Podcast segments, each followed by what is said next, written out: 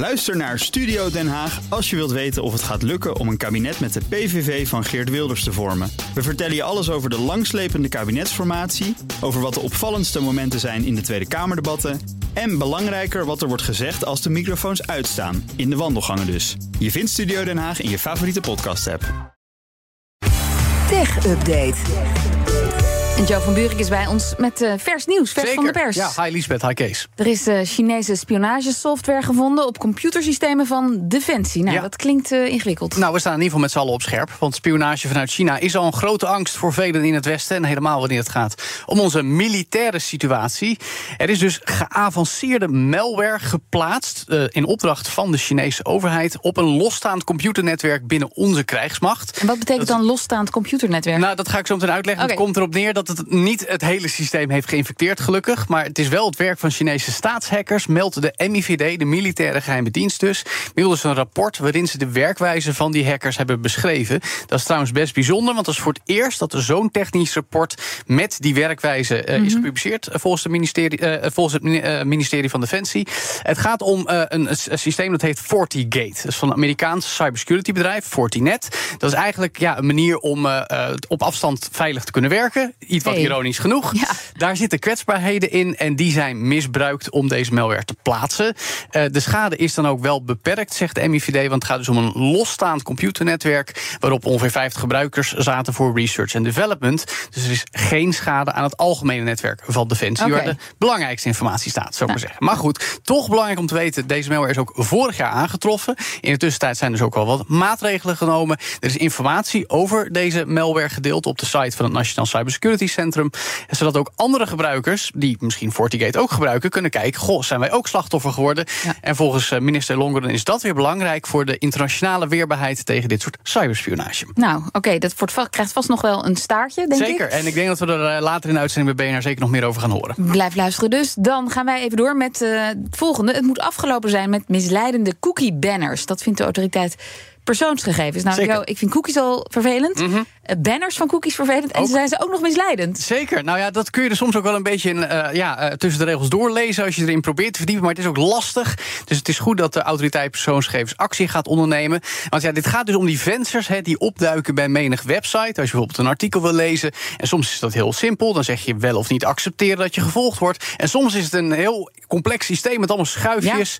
functionele, analytische tracking cookies. Termen die gewone mensen heel weinig zeggen. Maar dat bepaalt dus wel in hoeverre jij gepersonaliseerde advertenties te zien krijgt. En dus ook in hoeverre andere partijen mogen zien wat jij op het internet allemaal doet.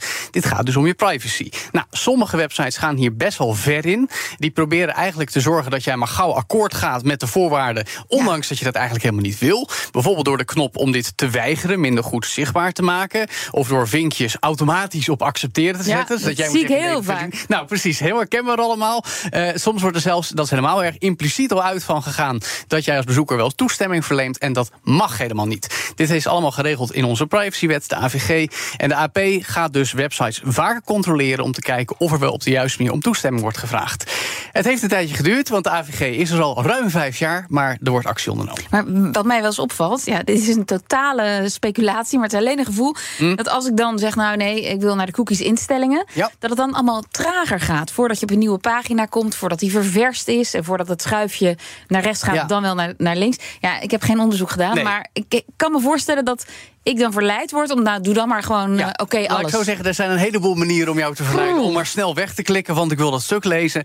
Dat is al een praktijk die nu dus Ja. onder de loep genomen gaat En worden. ik ben ook een heel makkelijk slachtoffer, hoor. Dat moet, er, moet ik erbij zeggen. Blijf scherp, hè? Ja, tot slot nog even naar Meta. Want dat gaat content die met AI gemaakt is beter, ja, hoe moet je dat zeggen, aangeven, Mhm. eh, aanmerken. Zeker, labelen. Ja, en daarvoor werken ze samen met andere grote techbedrijven. Jazeker, deze belangrijke belofte die Nick Clegg zojuist heeft gedaan... de voormalig Britse politicus met Nederlandse roots. Tegenwoordig zo'n beetje Mark Zuckerbergs rechterhand al een Oh. aantal jaar. Dus we mogen hopen dat platforms zoals Facebook... beter beschermd geworden tegen misinformatie middels AI-content. Nu was er al een systeem dat als het gaat om AI-tools van Meta zelf aangeeft... dit is met AI gemaakt, met een watermerk. Maar nieuw is dat het ook gaat gebeuren als het gaat om AI-tools van andere bedrijven. Ze gaan dus samenwerken in een eh, aankondiging, maken ze dat net bekend... met het moederbedrijf van Google, evenals met Microsoft... maar ook met OpenAI, Adobe, Midjourney. Er moet een universele standaard komen komen. Waarbij dus bij elke tool die met AI werkt kan worden aangegeven: let op, dit is met AI gemaakt. Past ook wel bij Meta om dat te willen. Hun eigen AI-technologie is min of meer open source. Maar goed, eh, het is ook wel nodig, Liesbeth. Want gisteren vertelde ik nog in de tech-update dat de interne toezichtraad zei: van ja, er is ook een situatie met een bewerkte video rond Joe Biden. Daar kwam geen AI aan te pas. Die wordt echter ook niet van Facebook gehaald. Dus uh, ja, die regels moeten ook misschien wel aangepast worden. Heeft Klek nu onderschreven.